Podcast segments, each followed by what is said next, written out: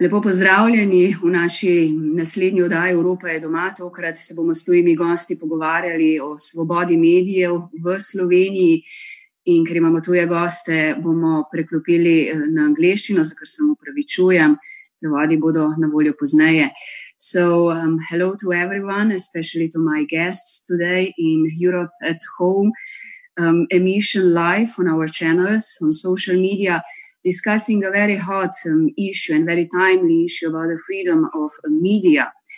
Although uh, journalism looks a very uh, safe um, profession these days, um, it's absolutely not the case. Not only that we have every year around 80 journalists killed and around 40 are imprisoned of uh, 400 are imprisoned of doing their jobs.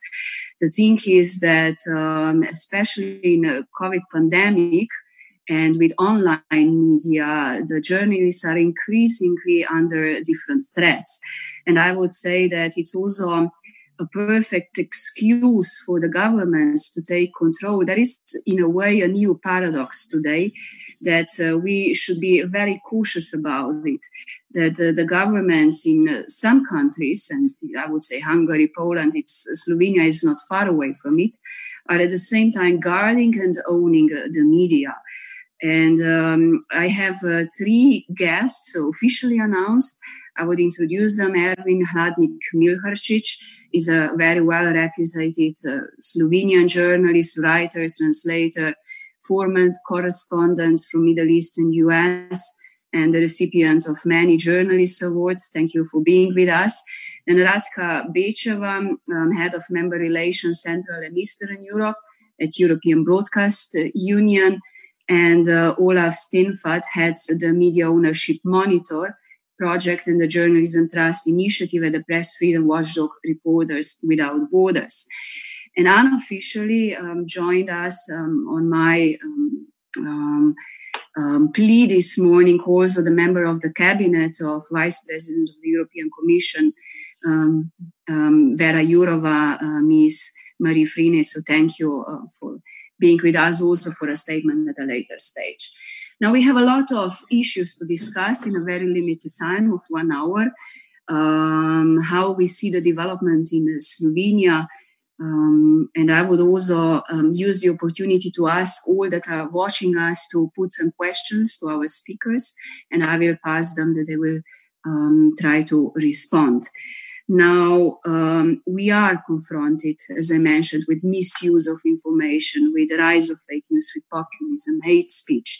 Uh, but even what is most worrying is that we are facing direct threats from the government um, to journalists and open, very hostile attitude towards certain media, notably in Slovenia, towards a public um, national broadcaster. And uh, the party um, media from SDS has come to the fore, running entire campaigns to discredit the journalists. So, my question would go first to Ervin, who knows Slovenia media landscape very well.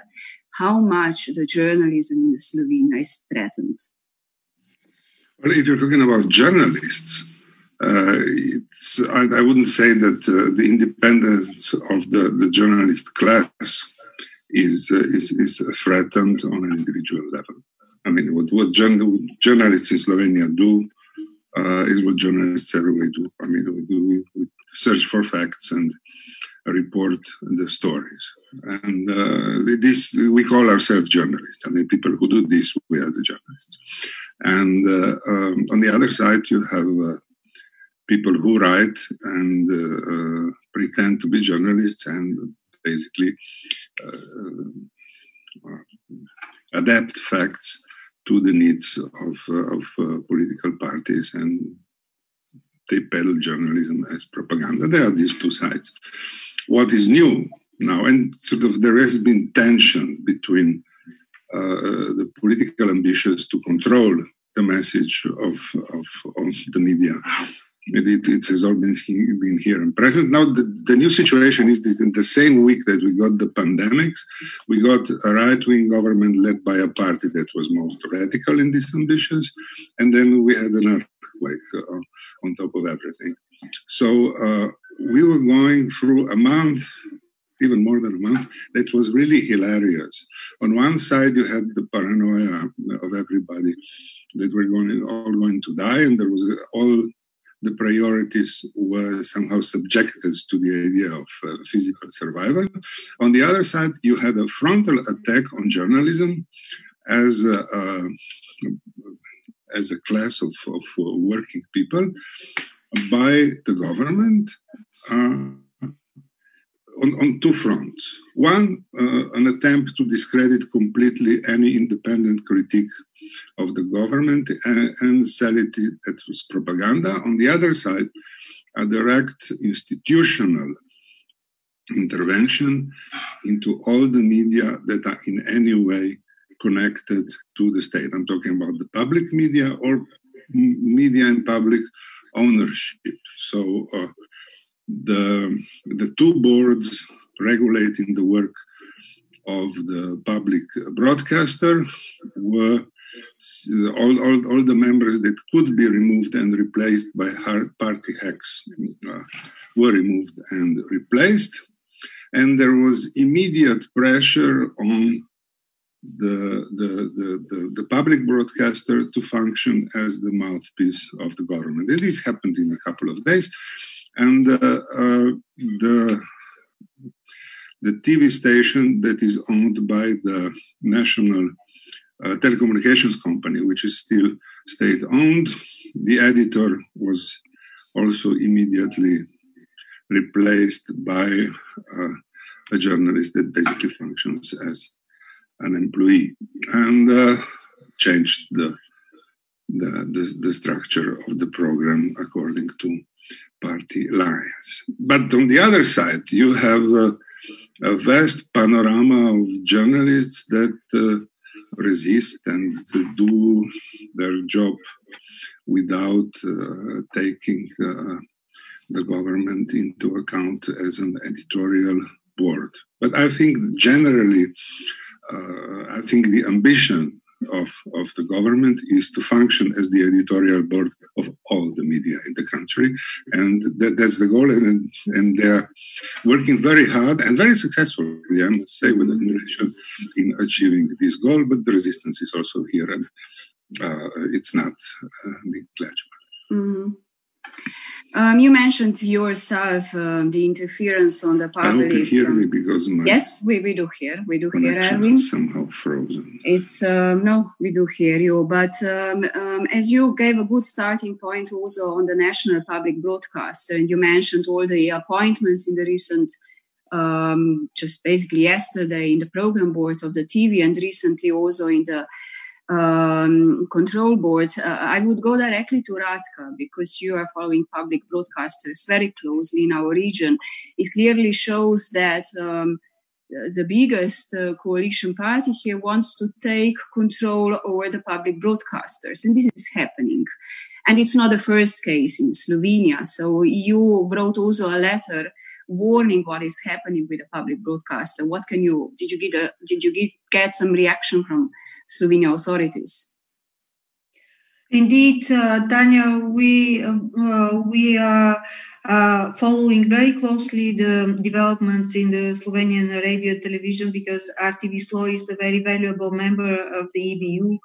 And um, actually, right now, in these difficult times, we see more than ever public service media recognized, uh, hitting record um, numbers of audiences and people trust uh, a public service media and go to public service media to to get uh, verified and trusted information uh, and uh, RTV Slo is uh, doing uh, tremendous efforts to answer to all now new circumstances to all new needs and requirements. But by the audience they have launched um, education on, on their channels. There is an increase on um, on the news and current affairs content. These these are I mean we take it for granted, but for every broadcaster uh, working now in these constraints and limitations, uh, it is a big effort. And now, uh, if these efforts are accompanied by uh, by political pressure, this is too much for uh, for public service media. Of course, we have reacted. We have reacted uh, and put a statement by our supported also by our director general uh, on our webpage where we uh, we express concern about undue political pressure and interference because uh, I think that now more than ever, uh, public service media should be independent in, in their job and journalists should be able to do their, their job because people uh, now need not only help, but they need also information about the health conditions in, in every mm-hmm. country. Uh, we have also uh, supported an alert on the Council of Europe uh, platform for protection of journalists and uh, mm-hmm. freedom of media, pluralism of media, and uh, um, the, the reply was I would, I would, uh, I mean, we were surprised with the reply. Let's let's put it like mm. this, uh, coming from the from the authorities. Uh, uh but what I would really uh, like to underline is that uh, the public service media values, which were unanimously adopted in Strasbourg in 2013 by all EBU members, uh, and which are independence, uh, universality, diversity, excellence, uh, accountability, um, and innovation. These these values we have to really uh, support public service media to, to be able to uh, to provide uh, the the best content now according to these values. I mean, the fact is, what we all see that only in few weeks. Um, we got a lot of international letters of concern when it comes to the press freedom in Slovenia. Um, just now, I read also the statement from Deputy Director of International Press Institute, Scott Griffin, saying that Slovenia is an example where government is verbally attacking um, journalists, and it's rising concern about more and more these kinds of attacks happening. Um, that journalism is really in dangerous, and we um, and all of um, your organization, uh, Reporters Without Borders, together with six other international organizations for freedom of media, um, send a letter to different EU institutions. We got it also in the European Parliament, I think also in the cabinet of uh, Commissioner Jourova, also our Minister Hojs got it. Um, expressing concerns about the attack on journalism, concretely on the journalist here, um, Blaž Zgaga, did you get all of a reaction, or how do you see the situation in Slovenia? Well, first of all, thank you very much for the invitation and for having me on this particular topic, I think, at a timely moment. Um, uh, I must tell you that we have a kind of an internal saying at RSF that goes like, Tell me what your media landscape looks like, and I tell you what country you live in. That is to say, um, journalism as a profession usually serves as a canary in a coal mine. So if you see increasing attacks on journalists and a slide um, of performance and crackdown on the journalism profession, it usually indicates a decline of democratic values institutions at a larger scale. So this is kind of uh, a, a, rule of thumb, I think, which uh, we see unfolding in, in many, many ways. And sadly, obviously, at this moment in time, also in, in Slovenia.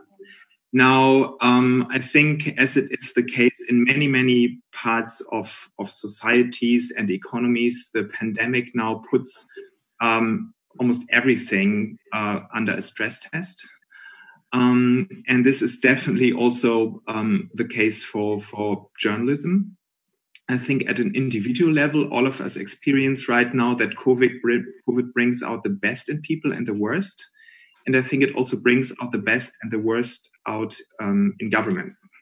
And obviously, there are no surprises. So you see the usual suspects just capitalizing on the emergency situation in their grab of power. Um, and we don't have to travel far. It is happening inside the European uh, community of, of states and values at this moment in time. And this is, I think, also uh, bringing up um, a, a, number of questions. And um, in the case of Slovenia, I must say that obviously we see um, smear campaigns and individual attacks. Um, for example, on our own correspondent in the country, but also at a larger scale when it comes to the institutional um, footing of our profession of journalism and the institutions uh, related to it. And maybe let me just um, add another observation related to, to the pandemic, which I find really ironic. Um, as it was mentioned earlier, on the one hand, you see um, the increasing demand for authoritative information during an emergency and an increased new trust in institutions, including media, which is mm-hmm. great. Um, on the other hand, you see journalists being deployed to the front lines, also putting themselves in danger in reporting about the pandemic, while the economic um, business model just folds and collapses totally as advertising revenues um, uh, disintegrate and, and funding, which already was a problem before the pandemic, uh, and many, many media outlets operating on the the, the cliff edge of bankruptcy are now pushed further over it. And this is kind of an irony I think we have to face collectively. Um, and that would be now um, my question uh, to um, the member of the cabinet of the commission, because we are all aware that um, online violence can lead to the offline violence. Uh, we saw cases of journalists being murdered in Malta, in Slovakia, where, where that all can also lead. Or um, I know that uh, you received um, warning letters from Slovenia, and um, uh, my understanding is that the Vice President Jourova um, got in touch with Slovenian authorities. So, what are the further steps? How the EU or the Commission can help. I know there will be the rule of law report evaluating each member state in autumn. So, what are you discussing in the cabinet in the Commission? Yes, thank you very much first for for uh, the invitation and uh, uh, useful contributions. I mean, we are really in the Commission listening to all views. Um, so as Vice President Jourova said in her message on Friday, uh, free and independent media are key for, for democracies, and especially uh, in times of crisis. And this was said now, uh, journalists are in the front line to uh, report, to take facts, and all governments and politicians into account, sometimes putting their life uh, in danger. And we all have to do our best to support journalists to do their work. And we are also aware that government across the globe, they are taking uh, measures to fight the COVID-19 virus, but this cannot be done at the expense of press freedom and journalism needs to be safe and have access to information. And as uh, Vice President Jourova said in the past, uh, including at her hearing at the European Parliament, and the protection and the safety of journalists should be a priority for every country. And this is indeed an element that the Commission uh, is looking at as part of the rule of law mechanism report. And there is a public consultation ongoing, and I invite all, uh, all of you and all stakeholders to participate. Um, let me also mention that thanks to the support of the European Parliament, uh, the Commission is also funding projects to map threats and risk to media uh, freedom and pluralism, to support investigative journalism, and also to provide legal aid uh, and assistance to journalists. And um, we are also very well aware that uh, media face an economic crisis. So, and it, this crisis was there before. So the crisis uh, now COVID nineteen is amplifying a lot of pre-existing trends, and um, we are also aware that small local media, the closest to the citizens, are at special risk. And so member states, they have the tools with the support of the Commission to help the media sector in the respect of uh, media independence. And we are also looking at the media sector as part of the European recovery package. And more specifically, when it comes to Slovenia, I can confirm that uh, com- the Commission has taken contact with, uh, with the relevant Slovenian authorities to discuss uh, the importance of freedom uh, of expression, of media freedom, of safety of journalists, the protection of journalists, as well as support to the media sector in those uh, challenging times. So this is ongoing, contact is ongoing. And uh, once again, we are open to, to dialogue and uh, to listening to all views. So thank you. Thank you. And I can confirm that we have very good contacts also within the institutions as the European Parliament is uh, very much concerned about the free, independent, and sufficiently funded media that we are all aware it's very necessary. And recently, we just um, issued a call, our culture committee, to the European Commission, also to look into creating an emergency fund for the media and press. And you already gave some indications on that. This will be uh, very crucial because also the worsening financial situation is something that could um, harm massively, especially smaller media. But I would come back to, to the situation in Slovenia.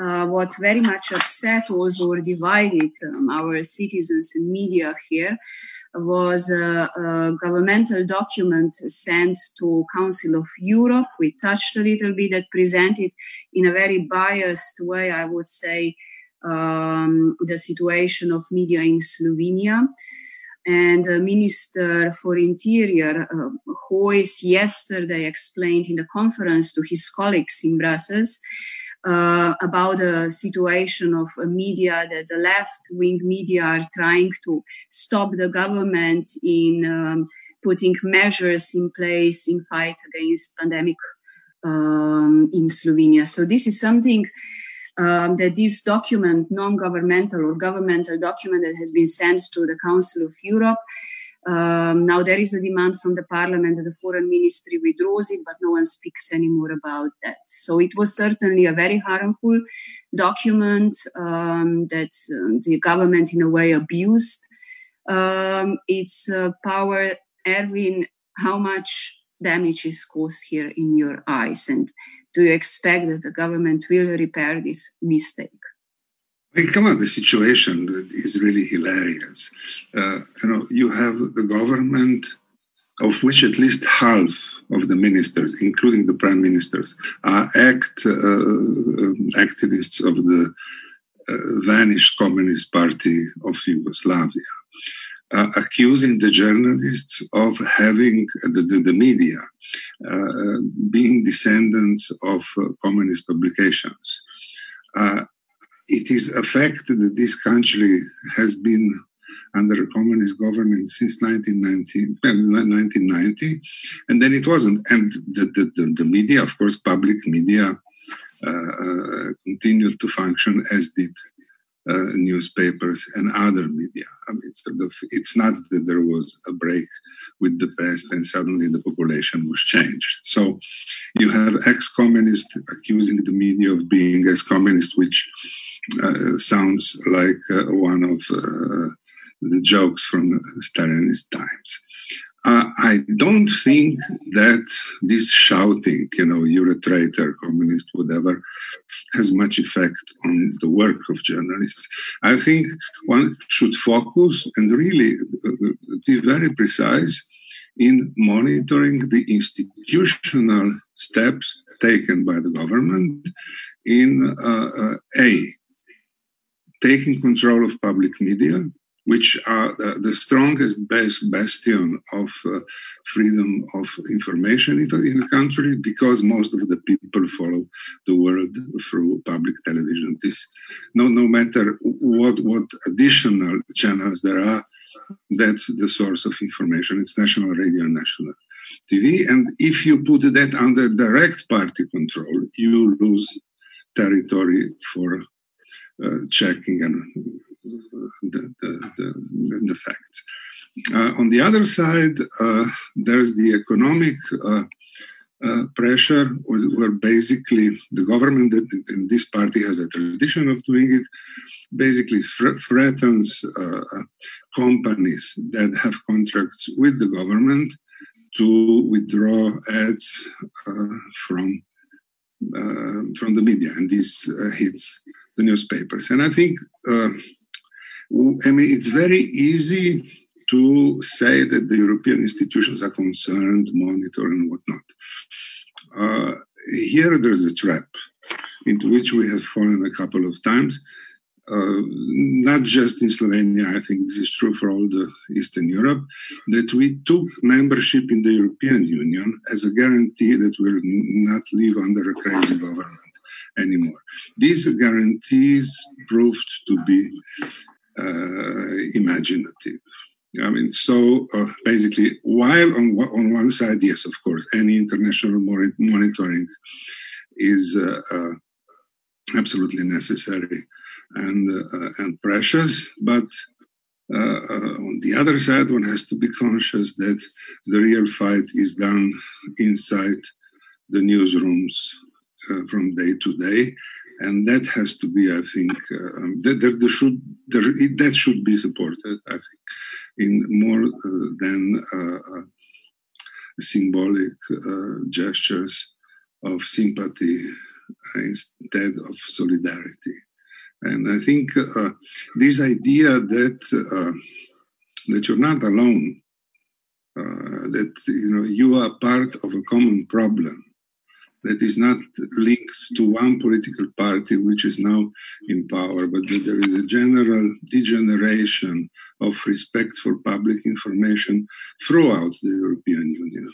And uh, that skepticism towards journalism, it's not just a prerogative of authoritarian uh, governments, but that uh, uh, democratic leaders elected with all the credentials feel the need to discredit journalists and use all the channels at the disposal of authorities to do it. That has to be checked and uh, I think sanctioned at all possible levels. I mean, it's not mm-hmm. just a question of it's nice to hear sympathy. Yeah, okay, you're doing a good job.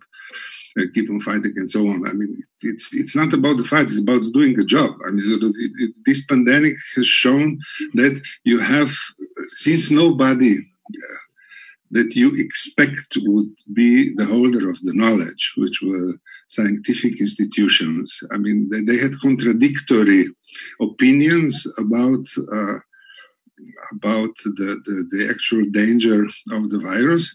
So the, the, the, the result is usually that everybody has an alternative opinion.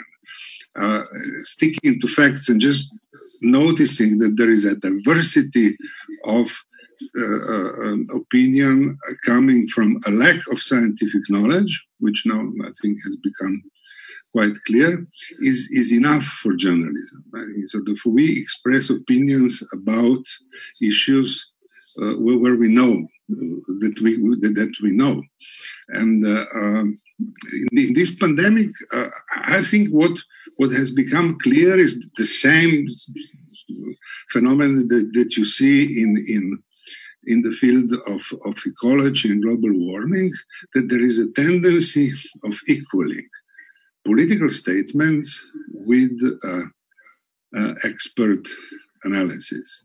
Like as, the weight of an expert is the same as somebody who has a political opinion about what's going on. And I think the role of journalism is here to to to to to to to, to separate. Uh, political opinions and and opinions in general from whatever you might gather of uh, scientific expertise. Mm-hmm. I think there has been a lot of work uh, uh, invested into this uh, under circumstances that are not favorable.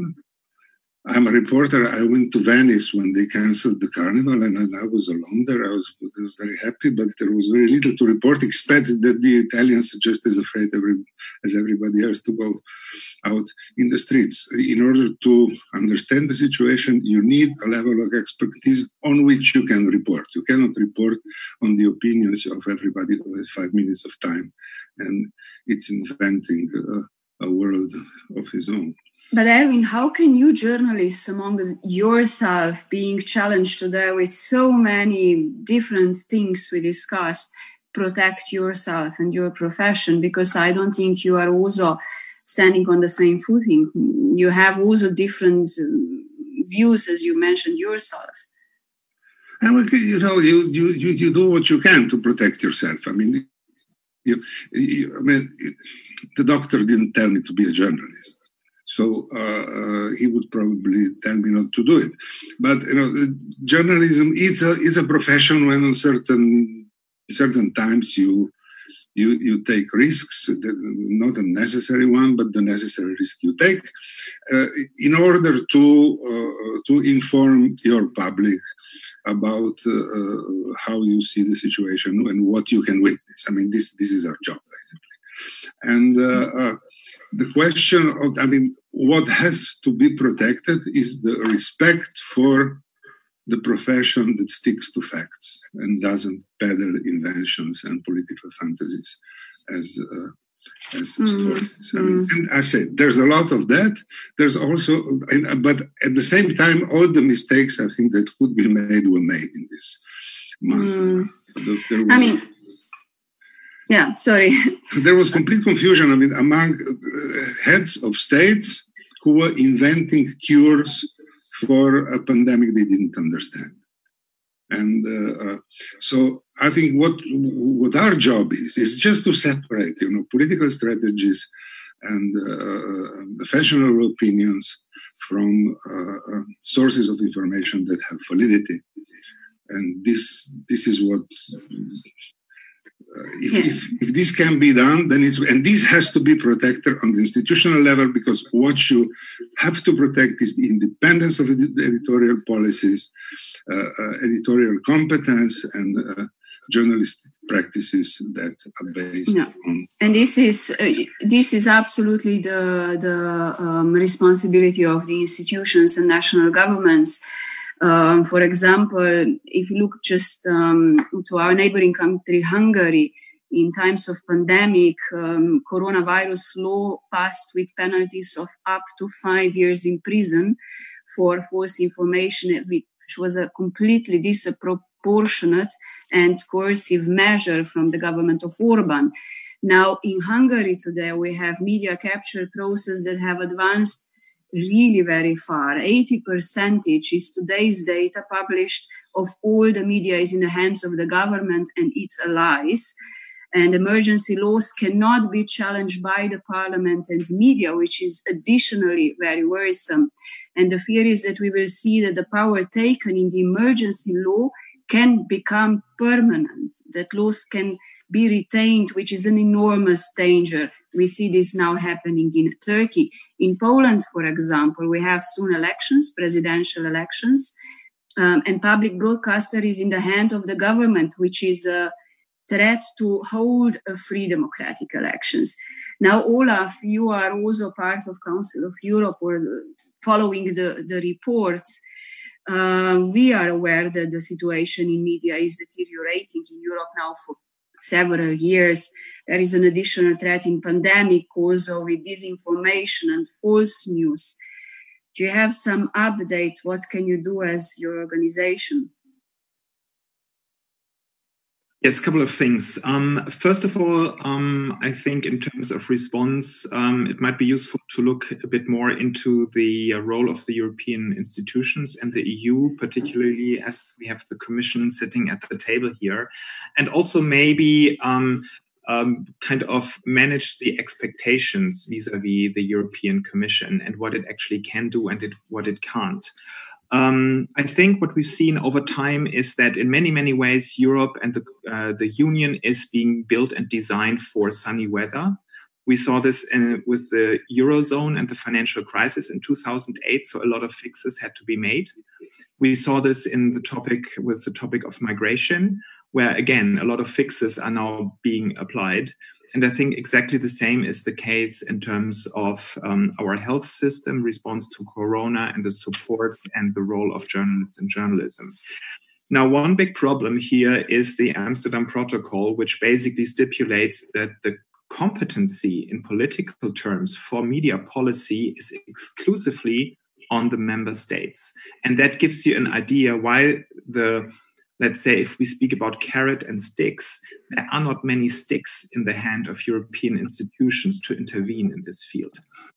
I mean, they can issue nice statements and also maybe support as much as they could, but there is no real political leverage. And this is, I think, more and more becoming a problem if we are asking ourselves is Europe really a club of values or is it only an economic bloc?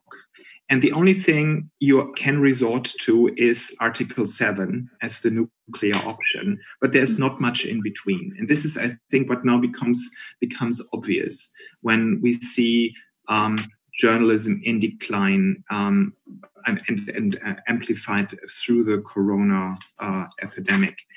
Um, when it comes to responses, I think um, it's it's really important to disentangle the different types of threats we look at and the respective protection.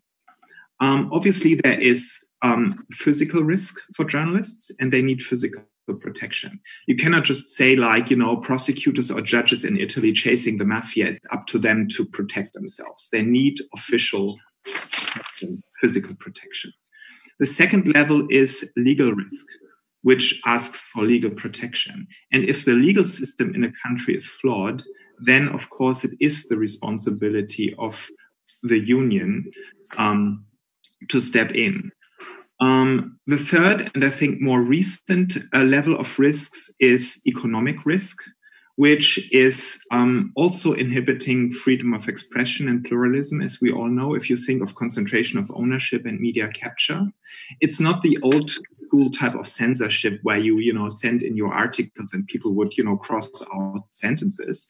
It happens mostly via self censorship. If the owner of your newspaper is an oligarch, you don't have to receive a call as an editor or a journalist to tell you what to write or not to write. It happens automatically. This is a trend, and this need responses on the economic level, on the question of sustainability. And last not least, the fourth level of risk and also protection is the technological one. Um, in our digital age, if we look at smear campaigns, they are driven by digital technology. They would not have worked the way they do today 50 years ago. Um, and if you think of surveillance and many, many other instruments and tools being implied, applied to, to threaten journalists and to, to limit their, their capabilities and their freedoms, um, this is a huge amount of risk. And obviously, as this type of technology doesn't respect any borders.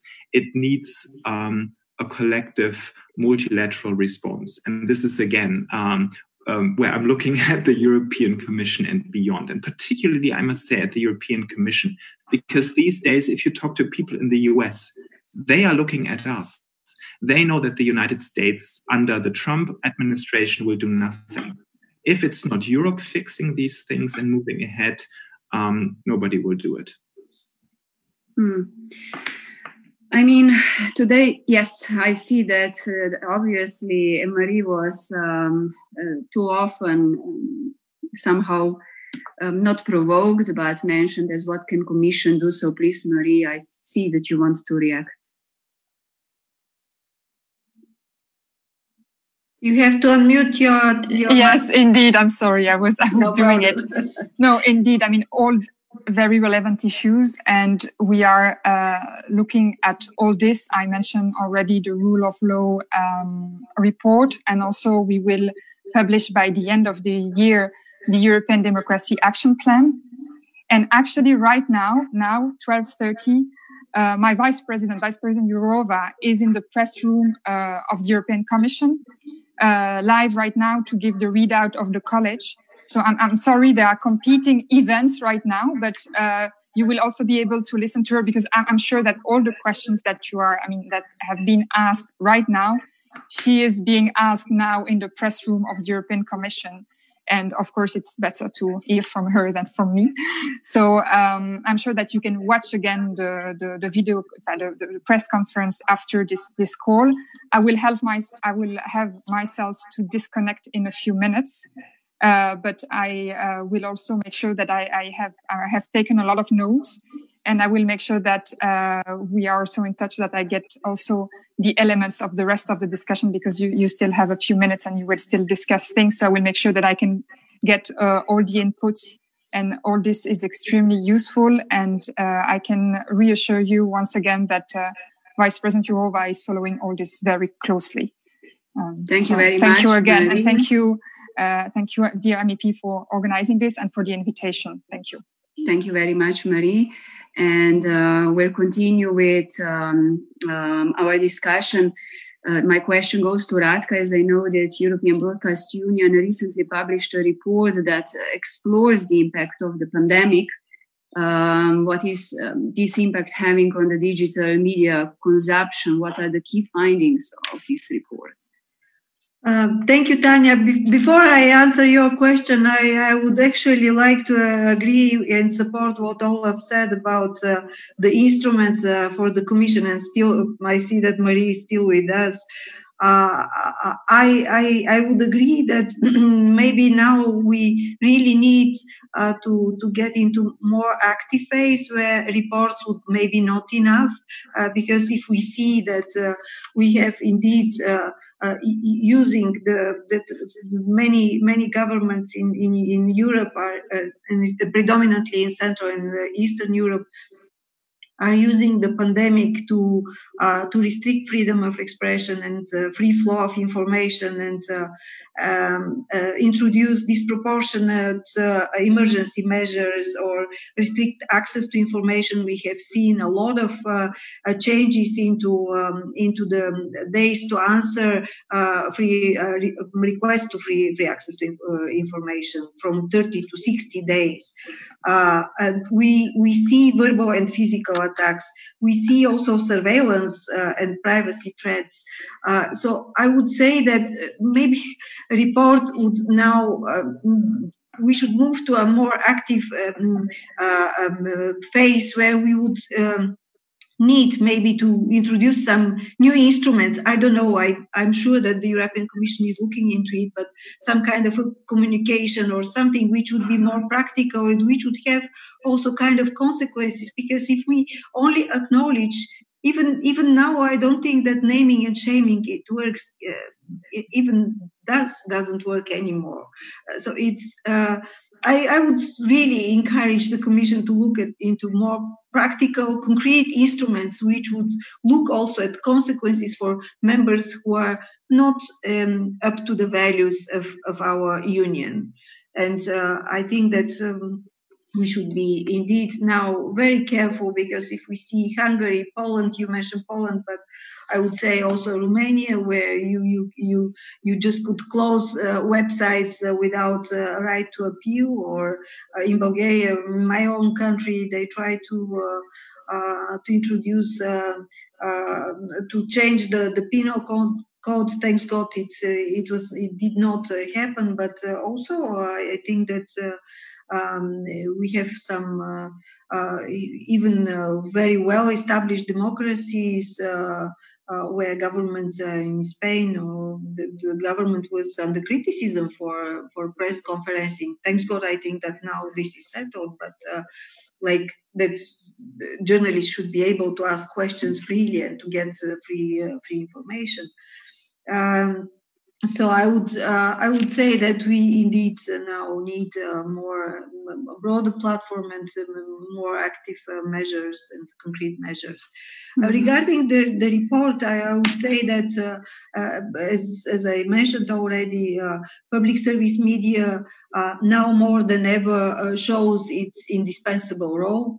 the report shows that the, the, the numbers are rocketing in, in all uh, our members, uh, including Slovenia. By the way, when you ask the question, uh, what is the harm, I think we should look actually at the figures, and the figures show that uh, um, there, there is increased um, numbers of people who are, who are um, watching uh, and listening to public service media. Um, there is increased trust uh, in, in public service media. Um, and uh, uh, actually we we should uh, now after so many years more than 20 years after the changes in in our part of the world i think we should be far from state media where the state controls the state pays and uh, media are responsible to the state. Now uh, we have a new paradigm where the people are paying for the public service media the people uh, are the ones who uh, the public service media is accountable to and is responsible to, and uh, uh the, the, public service media serves the citizens and not uh, not structures and political parties and political interests. Uh, so I would uh, I would say that this this is definitely the, the data shows that public service media now more than ever is trusted and watched and listened and uh, people are actually our um, um, our argument because we serve the people and uh, the numbers shows uh, show that uh, this is the case. Thank you, thank you, Radka. Olaf, um, you just a very quick footnote as the Democracy Action Plan was mentioned earlier, upcoming. Um, we applaud it. Uh, we look very much forward to, to seeing it um, materialize. But let's not be mistaken. This is soft law. This will be a list of recommendations. This is the carrots part. The battleground uh, in the coming years will be the Digital Services Act, which will be hard law, which will be um, a, an EU directive to be ratified and put into national law with the member states. And we are a bit afraid that on the sticks part, on the hard law part, it might, or at least there's a danger that this Digital Services Act will, in the end, just result in an update of the Services Directive or e commerce directive, um, mainly looking at trade related aspects of digital technology and fail to address uh, the larger picture. And then kind of you know refer to the democracy action plan which has no legal leverage at member states whatsoever Hmm. And as uh, we fail to properly address, as we, I think, all agree, democracy, rule of law on certain countries, because we don't have proper instruments for it, except of Article Seven. Now we are discussing about maybe cutting funds from the next EU budget to countries that don't respect European uh, values, we are also losing somehow freedom of media rapidly. Um, now, I would ask Ervin to come back to Slovenia because I know that our uh, people are very um, interested about after this pressure on public broadcaster take over control what i see as that the public broadcaster is losing really its independence finally um, will next one be Slovene National Press Agency or maybe even your media Dnevnik because we saw already verbal attacks directly from the Prime Minister? Yeah, yeah, but formal attacks are really no problem. I mean, the, you know, I work for a private media. We have our own strategies of protection through trade unions and uh, journalists association, whatever. I mean, we fight as, as much as we can, and sometimes we lose, sometimes we win. The problem, the central problem, is actual, realistic protection of public broadcasters and journalism as a public service. These can be harmed permanently uh, uh, very seriously. You have the example of Greece when they practically uh, uh, dismantled the, the, the, public broadcaster overnight. And it's very difficult. One, you know, these are enormous monsters. I mean, sort of with the archaic structures, with sections where nobody knows what they do, and they look eternal. Once they are uh, decomposed, people just don't, nobody knows how this things stood together. It's a very complex mechanism. And this has to be protected with uh, whatever instruments, uh, since we were talking in the context of the European Union, uh, whatever European instruments are available, they should be directed towards this. If they are around, I mean, legal, whatever, uh, through structural funds, whatever, they should be directed as requests for protection of the independence of uh, public broadcasters. as far as Slovenia uh, uh, uh is concerned, we, we, have a few months of time.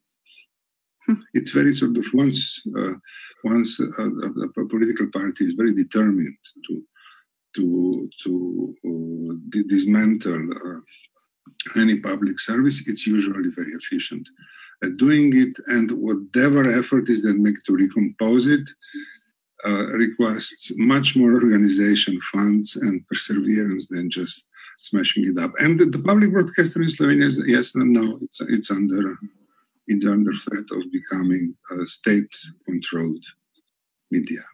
A few months of time is a very, very um, serious warning. We've experienced, in fact, that in Hungary, if you look to the history, when Orban came in power, he started with the control of media, and today, as I said, they are around 80 percentage in the hands of, the government. So this is a serious control. And I fear that we are um, here experiencing also a section of the Slovenian media is under Hungarian control. Absolutely, and that I can remind us all that we in the parliament tried to have a debate. We had even a consensus just before pandemic to discuss about this money flows from Hungary to Slovenia to the media close to the governmental um, biggest party and also to North Macedonia.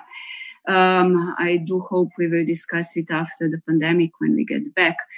Um, maybe just my final question because we are getting to the end slowly, but I think it's still very important. Now, in these times of pandemic, we see a really rapid increase of false news and disinformation. And uh, with your experience, how do you think people can really distinguish from false news? I mean, every day are also lots of new web pages um, open that are spreading this information, not only on COVID, but uh, of course, um, some other forces are abusing the crisis with spreading the fears among citizens too. So there are a lot of aspects that can be abused in this pandemic from false news, hate speech to somehow spread fear and control people. Now, what would be your advice to people when they try to follow media and get information?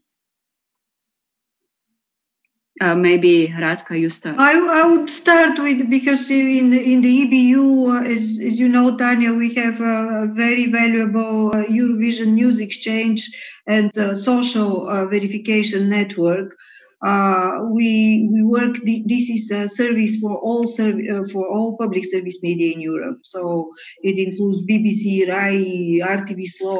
All our members are part of this uh, news exchange, and we have there a social verification network which helps uh, really uh, uh, our members when when there are some stories that they know what is the source, is it trustful source, and uh, and uh, also we are now um, leading again um, a trustful initiative. Uh, it's it's about again uh, trustful resources and uh, trustful uh, information and i think that we could this would be the only professional and journalistic way to counter uh, disinformation and false information with really professional and trusted information because closing uh, um, websites and the limitations on, on internet especially now in the time of the pandemic I think would be absolutely counterproductive and counter our uh, our values in, in, in Europe, where we so much cherish uh, freedom of expression. Thank you, Olaf. Please. Yeah, maybe uh, three quick points from my end. First of all, I think there is a little bit of silver lining. Uh, first of all, what we currently see is really um, an increase of demand for authoritative news and people really turning to, um, I would say, um, trustworthy mainstream media to to retrieve um, credible information. Um, by the way, not only because they are really interested in learning more, but also because, for example, sports broadcasts are no longer there. Premier football leagues are not, mm-hmm. you know, mm-hmm playing. So there's more television time shifting towards factual content, which is kind of interesting to, to, to watch.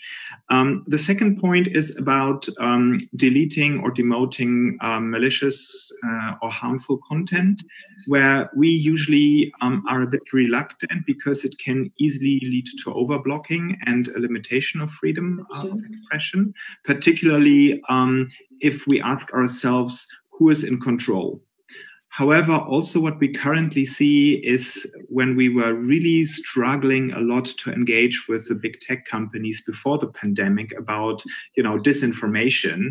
Um, currently, uh, during Corona, we see that when they do want to do something, they can easily. So suddenly there is a lot of potential really visible in the response of Facebook and Google and others, which was before the pandemic really difficult to, to unleash.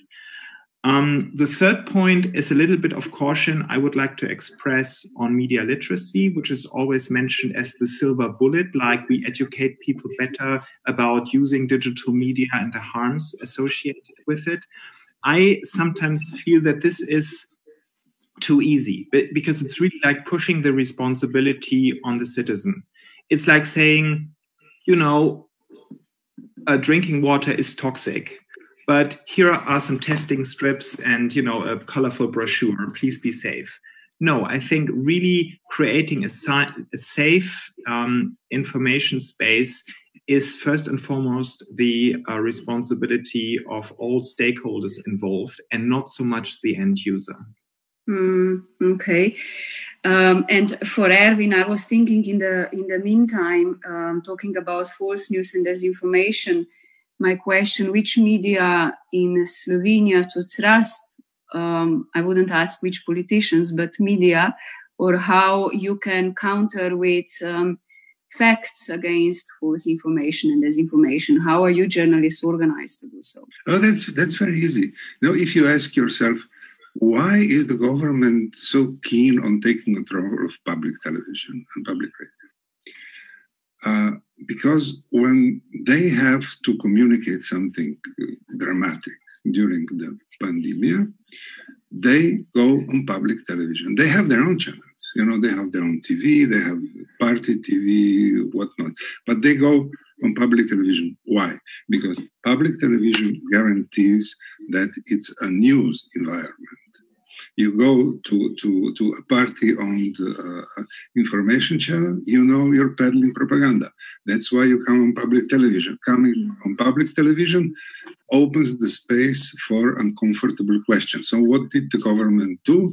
It invented a press conference without journalists, which I think should be noted down point, as yeah. a creative solution problem of, uh, uh, uh, of information. So uh, um, I think that uh, you know distinguishing fake news from inventions it's difficult for professional journalists. I spend some time every day trying to figure out what what could be true in what passes through the same screen through which I'm talking to you. And you know, and I'm I have some experience with this business. I put it like this, uh, and and I have time to do it because it's my profession to distinguish this. Uh, I think the only way w- that that you can have a space of sanity in the in this uh, uh, uh universum is creating and protecting news media that are capable of producing credibility. Public media, it's a very good place to start. And uh, uh, and see, I know I'm repeating this uh, ad infinitum, but yeah, sure. I think if you don't protect public media, uh, all other channels of information will be uh, less informed and even less capable of distinguishing reality from fiction.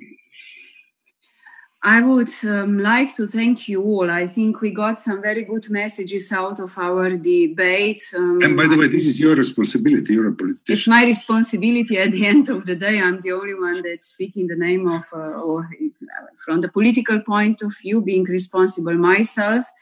And uh, I do agree that to protect uh, public uh, mainstream media could and it must be a, a, proper start, which we experienced just the opposite in Slovenia.